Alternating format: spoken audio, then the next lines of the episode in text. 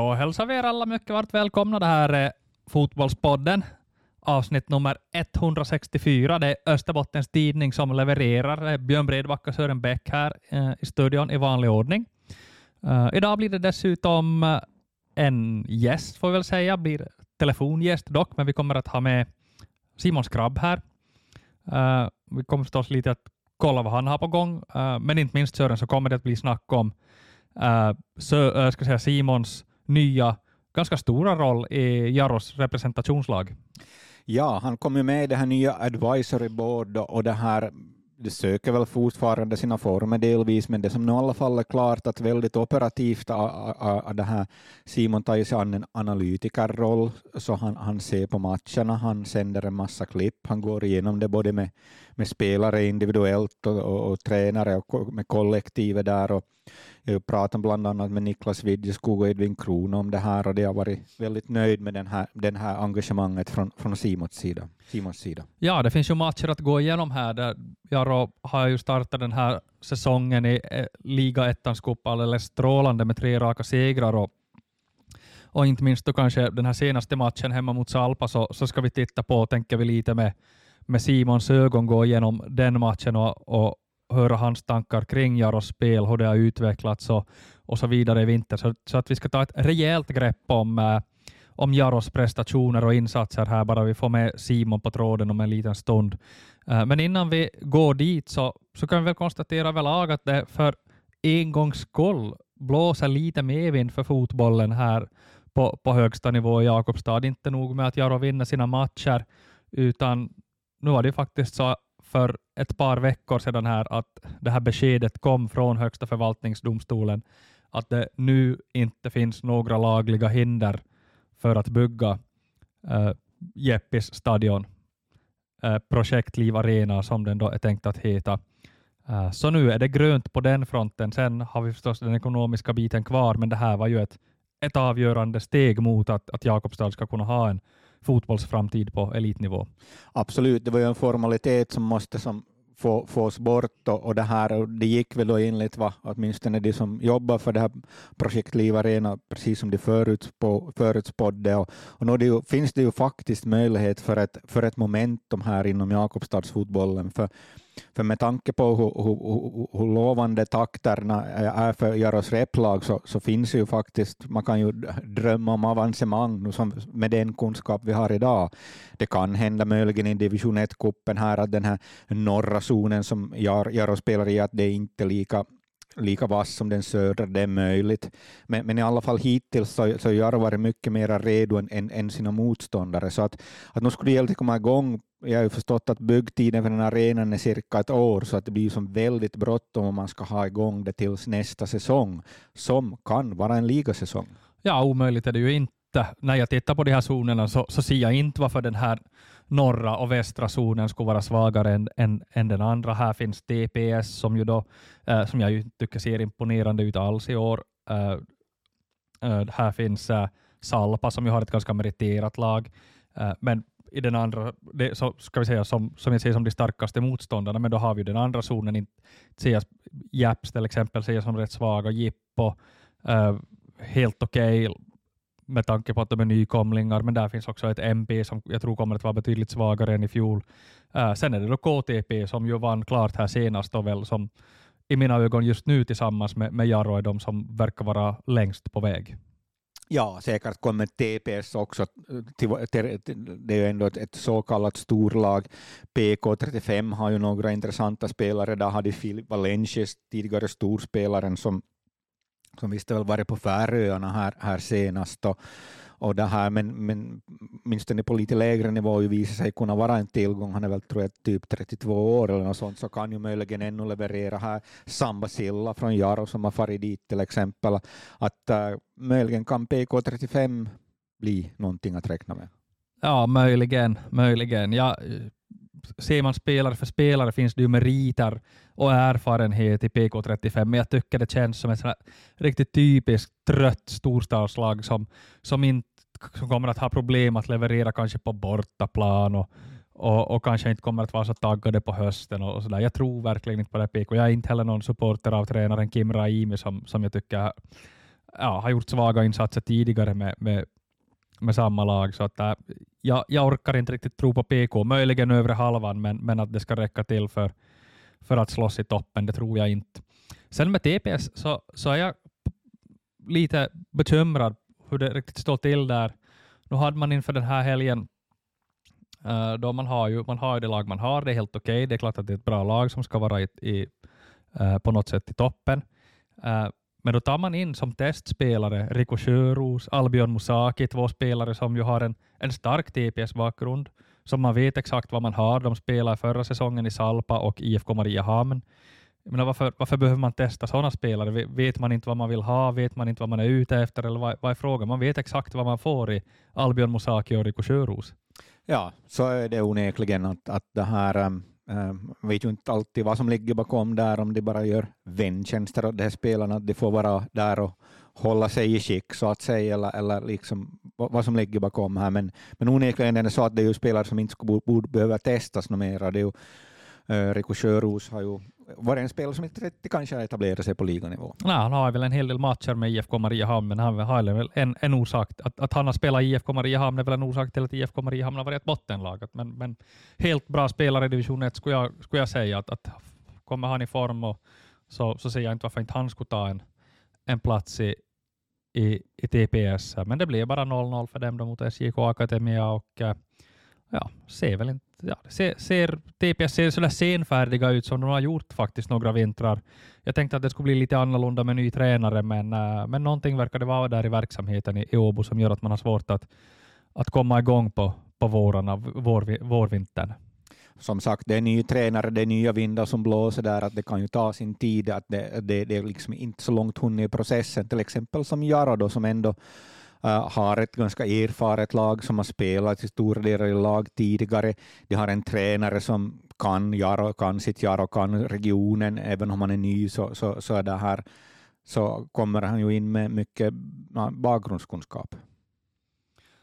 Ja, Jaro har ju förstås ett helt, helt annat läge med sin äh, ja, med sitt lag och, och eh, med sina prestationer har visat att man just nu är klar etta bland Eh, division 1-lagen och eh, ja, det ska bli intressant att se förstås när man förmodligen stöter på exempelvis då KTP här om ett, om ett eh, tag. Det kan man ju säga att Jaro i och med det här resultatet i söndags när TPS och SJK Akademia kryssade är klara gruppsegrare i, i sin grupp. Det är inbördes möten som avgör och man har ju tvålat till då tre av, av fem lag och det fjärde som man inte har mött så är SJK Akademia och de har då redan två kryss och kommer poängmässigt inte att kunna gå om Jaro så att äh, inget lag kommer att kunna gå om Jaro i den där gruppen. Man blir alltså vinnare, spelar semifinal hemma, var det då den 23 mars, den där lördagen, det är ganska långt avbrott i, i kuppen här nu då. Eh, vem Jaro kommer att möta så det lär dröja ett bra tag innan vi vet det. Men... Stor fördel dock för Jaro att få spela då på hemmaplan i, i en semifinal och, och då, då är, kan man ju, alltså det, det är ju ändå var det 10 000 euro åt segern, 3 000 euro åt förlorande part i, i final, att det är lite pengar i potten här också förutom ära och, och tävlingsmatcher så att äh, äh, ja, där, där finns någonting att se fram emot. Det finns det garanterat och är någonting som livar upp den här annars lite väl långa vintern vi har här i år. Äh, men med det sagt så tror jag att det börjar vara dags att ringa upp Simon här och se om han, om han svarar. No, hej. Tjenare Simon, det var Björn här och Sören från Fotbollspodden. God dagen. Hur är läget i Kalmar? Eh, bara bra. Eh, ledig idag så samlar, samlar energi. Och lagkaptensbindeln har kommit på har vi förstått. Eh, jo, jag är utvald till, till kapten i år. Ja, det här, hur, hur går den processen till i Kalmar? Är det så att spelarna röstar eller är det tränaren som väljer eller är det en mix? Eller, eller, ja, kan du belysa den alls? Uh, är nog tränarstabens val. Uh, här är ingen röstning som, som jag vet man gör ofta utan är, är tränarens val här. Hur skulle du göra själv om du skulle vara tränare? Skulle du vilja välja själv eller skulle du ha spelarna att rösta? Mm, bra fråga. Uh, jag skulle absolut vilja ha input från, uh, från spelarna också.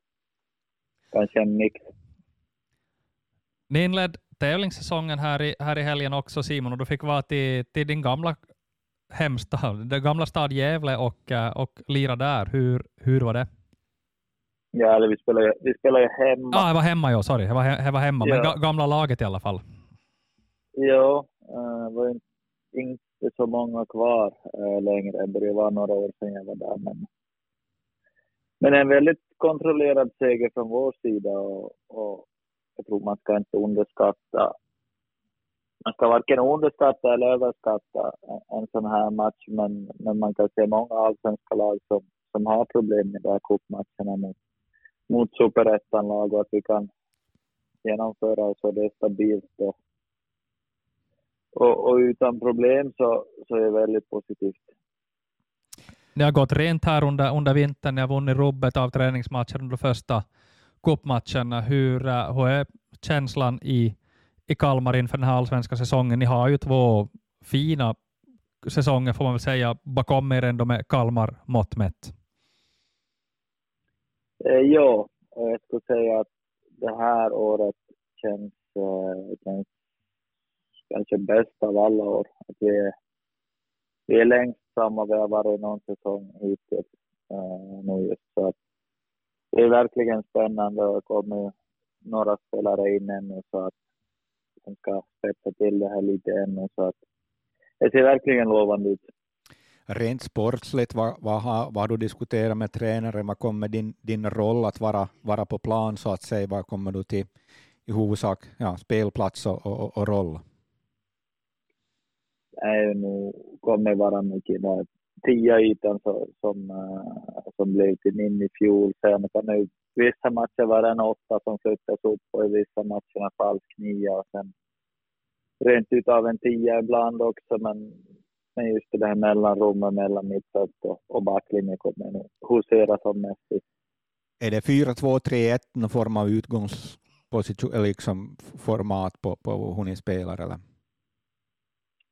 Ja, vi, vi varierar ganska mycket det här beroende på, på vilken motstånd det är. Det, vad ska man säga, spelsystemet är lite som, som ett täcke som är för litet så att eh, du, du hittar aldrig det perfekta spelsystemet. Så beroende på vad vi möter så vill vi ut, utmana svagheterna i spelsystemet. Så att vi, vi varierar ganska mycket från match till match. Men om man nu ska ta något kanske mer defensivt spelsystem så skulle, skulle jag kanske säga 4-3-2-1, julgranssystem. Okej, okay. uh, så det, är det på något sätt, kan vi tolka det som så att du, du, din utgångspunkt har blivit mer central. Tidigare vi kanske pratat ofta om att du kommer in, in från en kant så att säga och kombinerar, medan nu utgångspunkten är mer central. Är, är, det, liksom, är det korrekt? Ja, egentligen var det ganska, ganska samma i fjol också. Att jag, jag har ju den friheten att jag får röra mig ganska vitt och brett i, i dit och jag, jag eh, känner att jag är mest nytta emot en motståndare. Så att det är lite svårt att, att uh, liksom pinpointa en position. Men det är också en fördel när, när motståndarna ska starta också, att det är lite svårberäkneligt. Förra säsongen Simon så, så växte du fram till en av allsvenskans äh, bästa offensiva spelare, en av de poängstarkaste. Äh, men det känns lite om, i, i kölvattnet av det här så tycker jag också du har ju växt fram på något sätt till en, nästan en profil i Sverige. Du syns och hörs överallt. Dels du har din egen podd, du hörs i, i Toto-svenskan, du hörs i Mattias Lyrs podd och sådär. Och, och, och, och det verkar finnas en fascination för det här att du vill göra någonting annat på din fritid än spela Playstation och allt det här, känner du själv på något sätt att du har som blivit en, en nästan en, en reklampelare och en, ett ansikte utåt för hela, hela Kalmar FF på något vis? Eh, ja, men lite så har det blivit och jag tycker i år, det här kommer faktiskt falla med i podden vi ska spela in idag, men, men vi tappade ju Lyr som, som var väldigt hård på sin bevakning av, av Kalmar FF och och Kalmar FF hade sin egen podcast som inte riktigt verkar ha... Jag vet inte hur statusen är där, men om vi ska fortsätta med den överhuvudtaget så... Jag bollade idén i omklädningsrummet häromdagen att ja, men du kan ju köra min podd så jag får, vara, jag får liksom vara media, median utåt från, från vårt omklädningsrum. Så, eh, det verkar vara tufft för alla mediehus eh, just nu. Så Du kanske får ta saken i egna händer. Ja, det är, det är väl kanske så. Det här, äh, vad ska jag säga, jag tänkte säga, ja, din, din eh, och, eh, och Hampus podd där, hur, hur trivs du liksom med det formatet? Och, och, och jag har förstått att ni har väldigt mycket lyssnare från, från Jakobstad och äh, inte minst då alla, alla Jaro-intresserade som ni, som ni ju ge, ger en hel del Jaro-innehåll också. Ja, varit, varit mycket Jaro-snack. Eh, no, vi, vi funderar lite att vi började väldigt brett och men vi kanske hamnade till, till nischa in oss just på, på, på Jaro och Kalmar, tror jag. Och dela upp det lite tydligare så blir det lite som två poddar i ett kanske. Och vi har även börjat med att vi, börjat med, vi har fått tekniken på plats så att vi kan på distans också ta in, ta in gäster. Så vi satt faktiskt i, förra veckan i tre timmar med Tim Sparv så att så vi, vi har kunnat ta, ta i bruk den biten också. Det var väldigt, väldigt intressant för tre timmar. Tim är ju verkligen klok person så att det har vi på gång i, i, i pipen också som kommer släppas endera den här veckan eller i nästa vecka. Så vi kanske delar upp i två eller tre avsnitt eller med för att det var så, så mycket bra info som vi vill ha med. Yes, ser vi fram emot att höra. Ja, det här, eh, Björn var in här på din fina säsong och du blev kapten och, och det här, eh, ja, du, du är in på ditt tredje och sista Kalmarår på ditt kontrakt, så, det, man, så utifrån sett så måste man väl ställa de här frågorna att, att har det varit intresse, liksom, har det varit och ryckt i dig nu här under vintern från andra klubbar och, och, och alternativt eh, då, om du blir utnämnd till kapten av Kalmar så kan man ju tänka sig att de är intresserade av att förlänga med dig? Jo, äh, det här är ju skönast med att ha sin egna podcast, så man får välja vad man svarar, på. Men, men det här, vad ska jag säga, jag har funnit intresse, men jag har inte funnit något som jag tyckte på ett sätt det var intressant och inget egentligen man behöver ta ställning till heller. Man måste ha, ha en respekt också till, till Kalmar att en så är stor att jag kommer, om, om jag ska gå vidare härifrån så måste det vara en, en övergångssumma som Kalmar känner sig nöjda med också. Och något som jag och min familj vill hoppa på och, och det här, ja, så att det är så mycket parametrar som ska klaffa mot vad, vad kanske var tidigare när vi var, ja, när vi inte hade familj.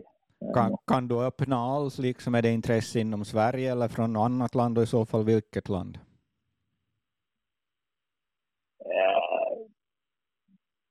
Ja, vad ska jag säga? Jag har funnits i Sverige i många länder ute i Europa, men men ingen som kan eller har viljan att, att ta fram de pengar som, som behövs.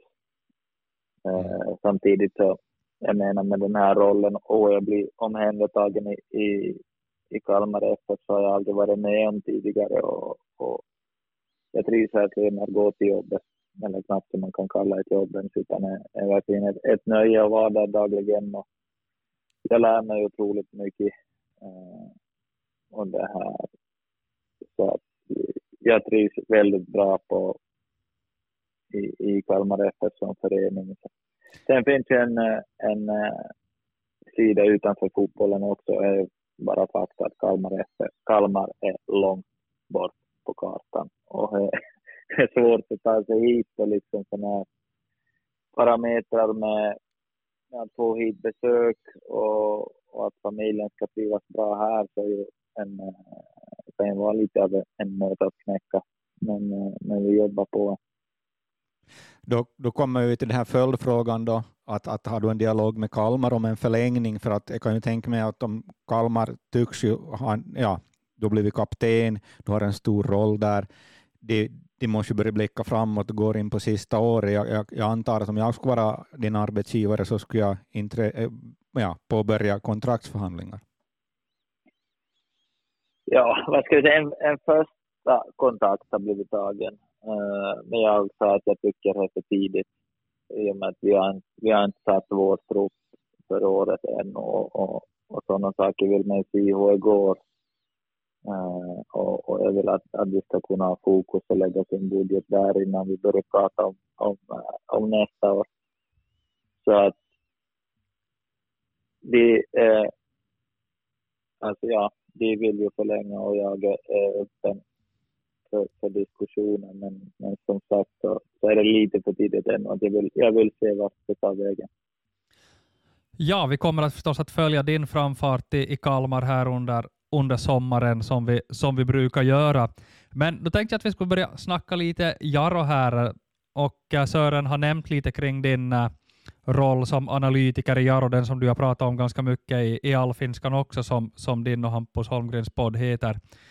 Uh, och uh, vi tänkte väl kanske lite att, att, du skulle få, att vi skulle ta till exempel nu då avstamp i, i den här senaste lördagens match när Jaro slår Salpa 3-0 hemma. Har du, har du sett den och, och, och, och, och vad, är dina sådär, ja, vad är dina tankar kring, kring Jaros, Jaros insats där och kanske sådär överlag i, i, i vinter så här långt, med, med vad du har sett och vilka slutsatser du har dragit? Eh, ja, det här, egentligen om vi börjar så, så första matchen analyseras här var efter SJK var, eh, jag tycker man kan se kontra i fjol så ett mycket mer löpvilligt lag och ett mer vältränat lag.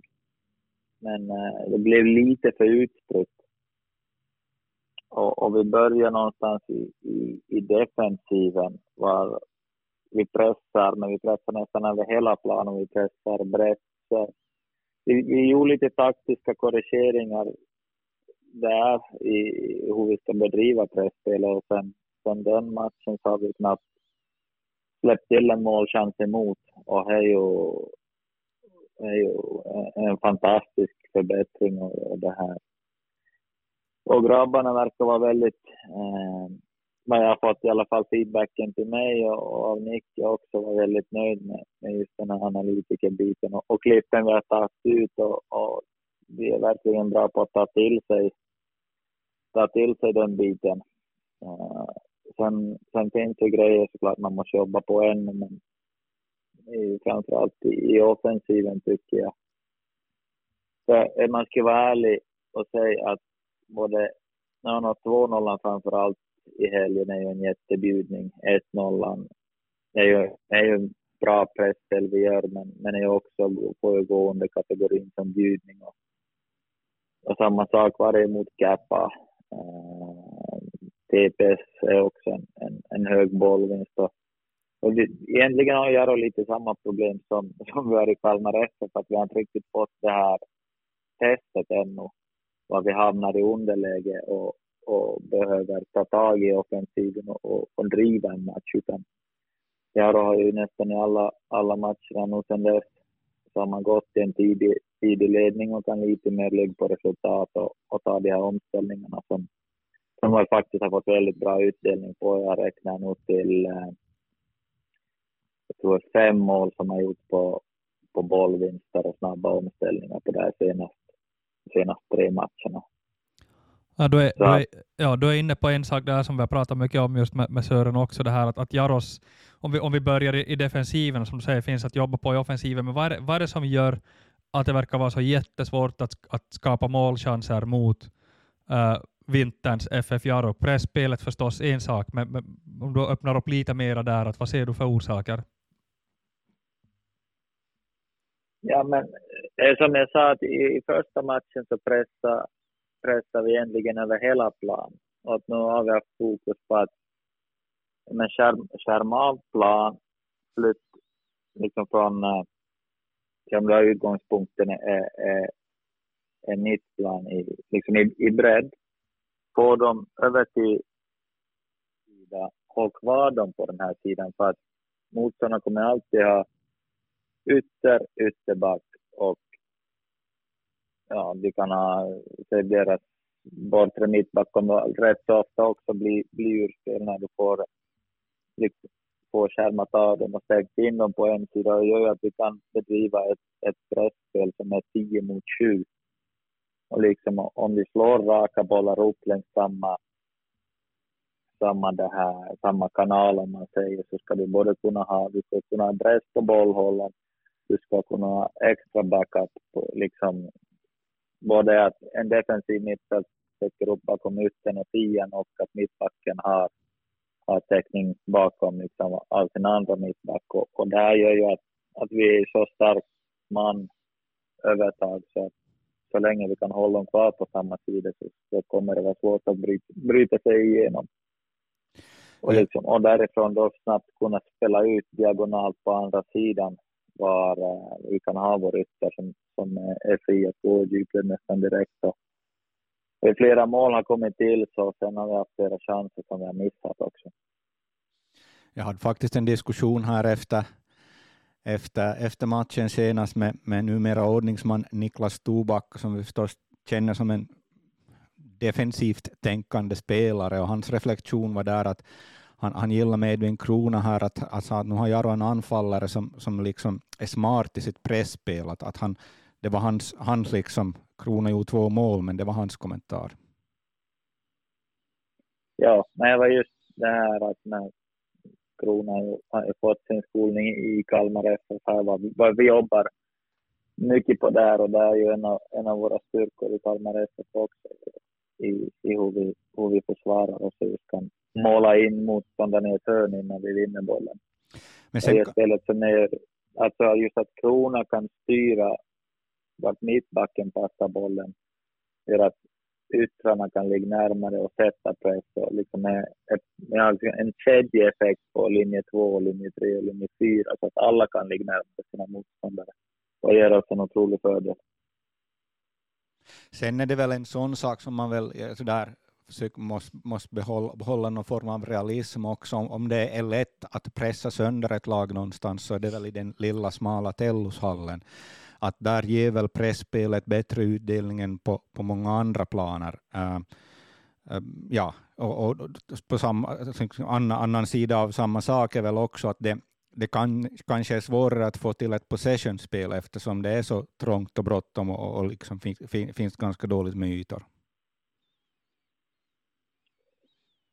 Jo, eh, men det är någonting vi jobbar på. Jag tycker det fanns, det fanns eh, punkter mot Salpa var, var vi gör framsteg kontra TPS-matchen. Och det är ju just att, så som vi säger, att vi vill dela in eh, när vi försvarar, liksom få fast det på en sida så kommer motståndaren bedriva sam, samma typ av, av press. Så lösningen är alltid att komma ut diagonalt och sen ta det därifrån att, att komma. Eh, vi har några sekvenser var, eh, vad var vi kommer ut på, på Aron och, och Aron har ju en, en väldig förmåga att agera det här VR och bara liksom tåga fram längs, längs den här kanten när, när tillfälle ges och, och, och liksom kunna utnyttja de grejerna lite mer så kommer vi ha väldigt stor nytta av. Och det kräver lite mer än av våra innermittfältare att det ska bli mer involverade i det här och, och speciellt Sergej tycker jag gjort framsteg i att, i att spelvända mer nu i den här matchen än mot uh, till exempel TPS var ofta den här längre bollen hamnar upp mot forward så kommer vi ut istället på ytterback eller bortre kant ytter med Jonny Remetaho eller, eller Jimmy den här matchen så att där har vi mycket mer kontrollerat anfallsspelen än mot till exempel TPS. Ja, vad ser du för andra nycklar då, som, som vi var inne på, att Jaro har ju gjort sina mål under vintern här på, på, på höga bollvinster med bra press eller med, på direkta misstag eller fasta situationer.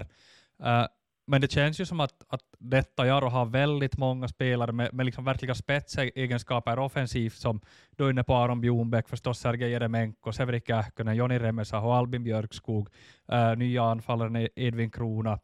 Uh, hur, ska, hur ska Jaro kunna utnyttja alla de här uh, ganska olika spetsegenskaperna för att, för att få till liksom det här liksom, offensiva spelet och man ska se liksom hur, just att Jaro kan, kan bygga sitt eget spel och, och inte vara kanske alltid beroende av att, att göra de här pressmålen eller, eller fasta situationsmålen.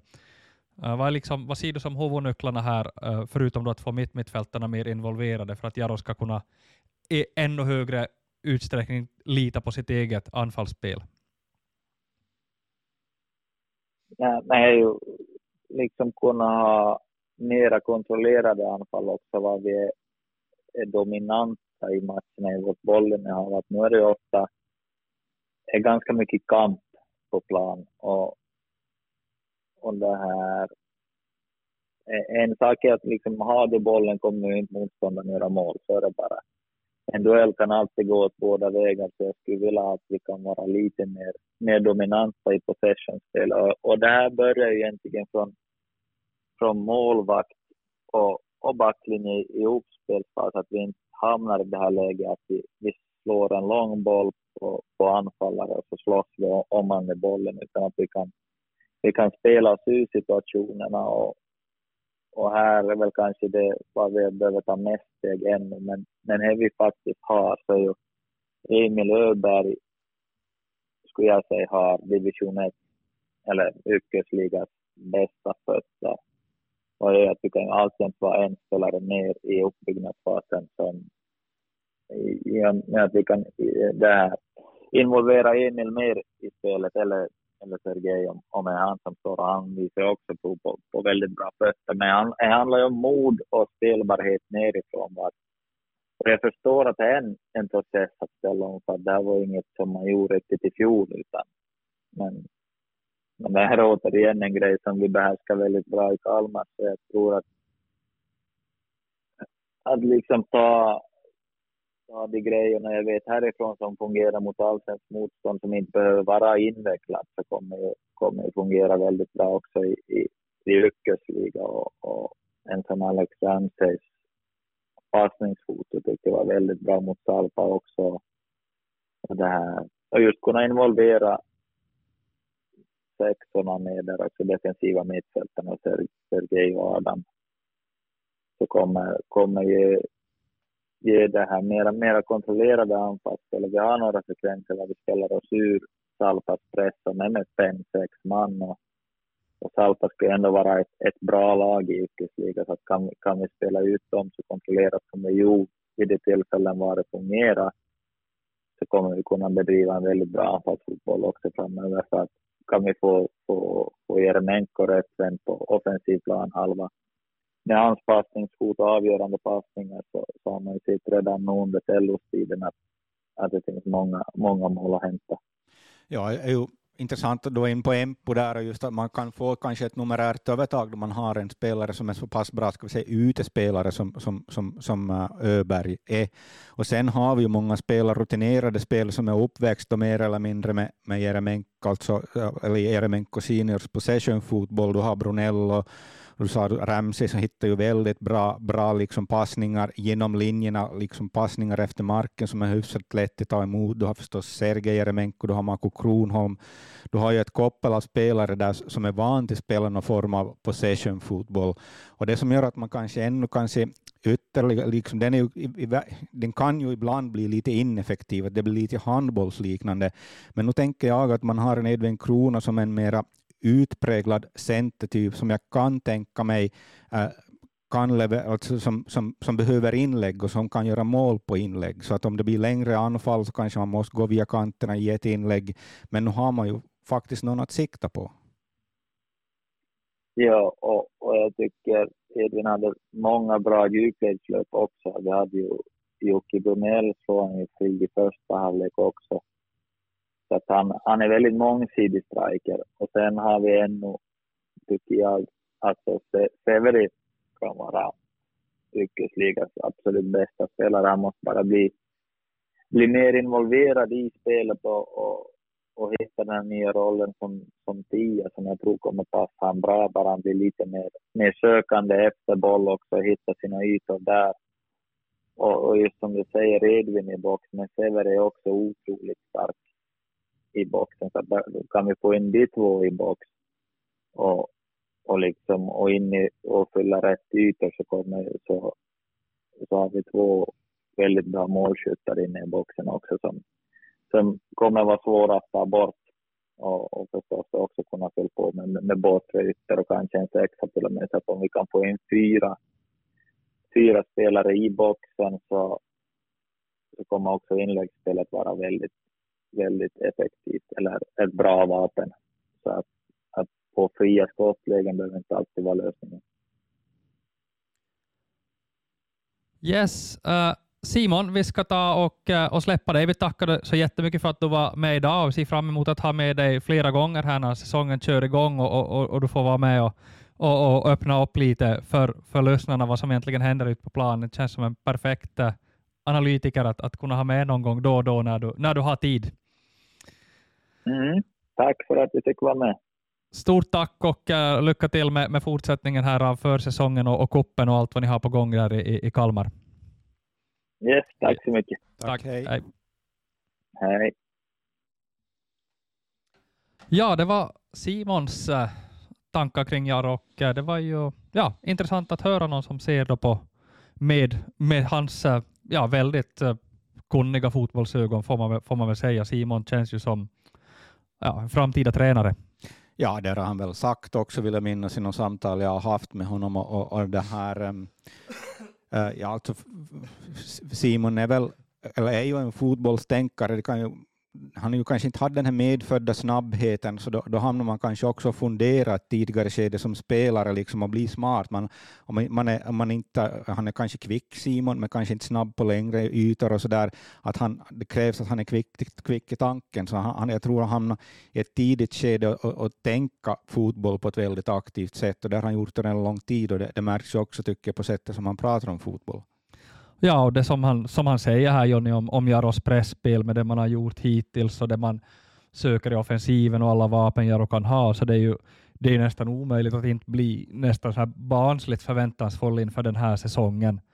Uh, det, ja, man, man blir, det, det, enda or, det enda man oroar sig för det är ju att saker och ting ser alldeles för bra ut. Ja, det var faktiskt tror jag vad jag sa här åt Niklas Widjeskog efter förra matchen, att det här att att det här, ja, att, att, att, är det för bra just nu? Ja, och sen har vi ett, ett, om man lite ska, ska det här, äh, titta på, på minuskontot så finns det ju lite skador då Karim Moses ska opereras, lär väl missa det här inta, äh, in, ingång, eller säg, säsongstarten, någon match där i alla fall. Äh, Markus Kronholm har vissa problem, Emil Öberg, och, men både, både Markus och Emil känns ju som att de ska vara up and running här igen då när det börjar vankas semifinal i, Eh, i, i kuppen. Smått oroligt kan det ju vara med den här Markus Rygg förstås. Han har ju haft kroniska problem med, med det här. Ja, jag kan inte alla detaljer med hans rygg, men han, han har, haft, han, har, han, har liksom, han, han har levt med den här ryggen. och Det är väl lite mot alla odds som han har spelat så mycket matcher som han har gjort. Men det är väl vissa övningar, jag har förstått hoppövningar speciellt, som, som gör att, att som han har lite svår, svårt att liksom, ja, han, han har svårt att hantera på det sättet. Så, uh, med, med mina mitt lekmannaperspektiv säger väl kanske att han borde i möjligaste mån undvika dem i så fall. Ja, Jarro har ju match här nu på, på söndag. Då är det avslutningen i gruppspelet i ligaettans cup. SJK Akademia borta, en match som för Jarro i princip är, är betydelselös. Man är som sagt redan klara gruppsegrare och det här är förstås ett utmärkt tillfälle för, för Niklas Widjeskog att, så att säga vila spelare om, om det behövs. Att här, här kan man starta med alla de här som har suttit mest bänk då inledningsvis, om man så önskar. Det finns alla möjligheter för en eh, för Holdén, för en Sandnes att få betydligt mer speltid här nu säkert.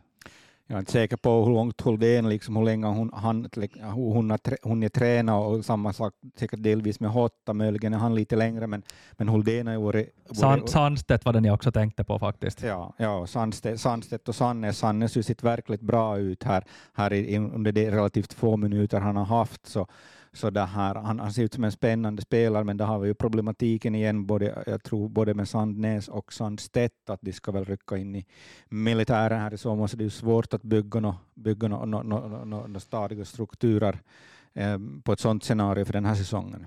Ja, och det är väl kanske det andra lilla orosmålet, det som händer i sommar då när i den här tunna truppen tappar tre spelare till till det här det militära, även om det bara är då Severi Kähkönen som så här på förhand sett är etablerad i startelvan. Uh, men eh, det känns väl att ska Jaro, om, om Jaro får den här fina starten och är ett topplag där det drar ihop sig till, till uh, att de sticker iväg så, så kan väl inte vara förvånad om det händer någonting i det här lagbygget här under, under sensommaren, om vi nu ska gå händelserna i, i förväg. Ja, jag tror nog att Jaros ekonomi är så, så pass ansträngd så att jag tror att, att det, det, det är ganska långt till det att, att det kommer att komma några no, no fler spelare faktiskt. Ja, får, får väl se. Det brukar ju kunna Uh, det sades väl i princip samma fjol, sak i fjol och dök det väl upp en tre, fyra spelare så att man får väl, får väl se. Ja, men nu betalar man för ytterligare en tränare så. Ja, det, ut, utgifter finns så att det är klart att uh, i första hand vill man ju förstås inte ta in flera spelare, men det är klart att har man, har man från början 19 spelare och tre stycken sticker in i det militära och två är skadade, så då, då börjar det ju vara ont om alternativ. Sen kommer vi ju in då i det här med det här trappstegsmodellen och där har jag kanske väl en viss oro nu att hur kommer det till falla ut här? Den har ju varit väldigt logisk här och egentligen så skulle det ju kunna vara det med, med JBK i division 2, ett mycket starkt JBK med mycket brett material som var till exempel att besegra KPV här i en träningsmatch. Uh, att, att, uh, hur, hur, kommer det här, det här trappstegsmodellen att se ut uh, mellan då JBK, Jaras Akademi i division 3 och B-juniorerna då att nu förstod jag till exempel här i, i fredags har jag för mig att, att Jaros Akademi var vann mot division 3 konkurrenten Sääripotku, Johan Präst Sääripotku i Kaleby. Eh, en rätt bra match. Jag förstod att Sääripotku var, var helt, helt, helt helt bjöd på väl bra motstånd. Men där fanns ingen B-junior med igen. Att, att, att hur, hur det ens liksom, hur ser det ut då med till och med den, det trappsteget här mellan B-juniorerna och Jaros akademi, här har jag hört röster som, som har uttryckt oro om det här. Och, och, och det är ju så att rent, rent formellt juridiskt så hör ju hör Jaros akademi nu till, till Liga-Jaro, alltså under den hatten, vilket kanske inte heller är helt lysande med tanke på att att, att om, om man tar det här värsta riskscenariot, om Liga-Jaro skulle gå i konkurs så ryker ju båda replagen så att säga.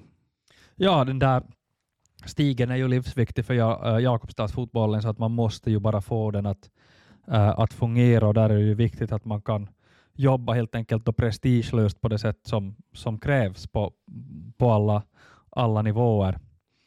Eh, du nämnde JBK-segern där och det har vi kanske inte pratat om så mycket heller i podden, just att JBK blev ett division 2-lag då sist och slutligen, vilket ju har varit på lut en längre tid och nu är det ju klart och det känns ju viktigt för Jakobstadsfotbollen med tanke på det nya seriesystemet, att det ska bli så jättelångt ner. Uh, det känns förstås bra. Uh, och så har ju JBK faktiskt en trupp på ett lag som gör att de i, i princip inte skulle ha fått motstånd i trean, för det, det, det, det är ju många, många spelare där som jag vill påstå skulle till exempel kunna spela med Vasa IFK division 1? Ja, det där, om man nu ska prata lite om det, så det är, för mig så är det där en obegriplig sak att varför, varför vill så där många etablerade spelare uh, spela på den där nivån och man kanske vet att man kommer att vinna alla matcher med 6-7-0, så som det var här för några år sedan när JBK var i trean. Att hur, hur roligt kan det vara uh, att, att, att uh, tävla på de, på de villkoren? Men alla gör ju sina val. Nu blir det i alla fall division 2, så det blir tuffa matcher för JBK. Gott så. Uh, du har också sett eh, uh, FC United vinna. Ja, jag sprang faktiskt här på linjen uh, i, i, i söndags. Det var överraskande då mot VPS som får anses vara, vara säkert ja, största favoriten förmodligen i, i division 2 för, för damer här. Och de, har ju, de har ju väldigt bred spelarstig nu för det, det kommer ju från det här uh, VFA hela, hela de, alla deras spelare de har ganska bra flickverksamhet, jag har förstått på Kristoffer Klo som är involverad där, så, så där, där kommer det till mata på. Det skulle inte förvåna mig om VPS förr eller senare kommer att bli det ledande laget på damnivå eh, och kan vi säga inom en tre års sikt i Österbotten. Så det var väldigt starkt här av, av, av United att, att, att vinna mot, mot VPS. Förvisso hade jag pratat med deras tränare efteråt och de hade bort typ alla mittbackar är ganska stor, stor den här omsättningen i laget, så det är väl inte riktigt satt sig ännu. Men i United kan vi ju då säga, där hade vi Amanda Kass som förstås är alldeles för bra för division 2-nivån. Att hon studerar visst i Helsingfors och det här. Kanske lite förvånande att hon inte, hon skulle, som jag ser det, uh, ha möjlighet att spela till och med ligafotboll i Helsingfors. Ja, där har ju Vilma Sjöholm nyligen kritat på nytt kontrakt med Honka, fortsätter där och eh, har jag inte hundra koll på hur Amanda Kass nivå ser ut om, om, om Honka är rätt, rätt klubb för henne, men det finns ju en hel del klubbar där runt omkring. Så är det. Uh, utgående från det här verkar hon i alla fall vara bra fysiskt i skick. Att det här, sen är det ju förstås då matcher och träning med boll. Jag vet inte då hur mycket hon, uh, hur mycket hon får av den varan. Yes, det var Fotbollspodden avsnitt nummer 164. Tonvikten får man väl säga på, på det taktiska uh, tillsammans med Simon Skrabb och uh, en, uh, en vinter som, som lovar gott. En vinter som lovar gott och, och det här, um, ja som sagt, det finns, det finns, det finns momentum här, heter här för Jakobstadsfotbollen. Det visar ju på något sätt hur vi hade ju, vi hade ju mycket motgång och det var som väldigt mörkt ut här under 2023, att hur, på något sätt hur snabbt det kan vända i fotboll, men, men det här eh, det är väl den här rörelsen som är intressant och det kan ju gå en rörelse neråt här än, under den här säsongen. Det, det som, som har följt med Jarro under ett antal år så skulle väl inte vara förvånad om, om, om, om den kommer i något skede också. Nej, det enda man kan vara säker på med Jarro, så att det, förr eller senare blir det alltid stökigt. Uh, och med det så tror jag vi tackar för den här veckan, eller för den här, det här avsnittet, och så hörs vi snart igen. Tack för att ni har lyssnat.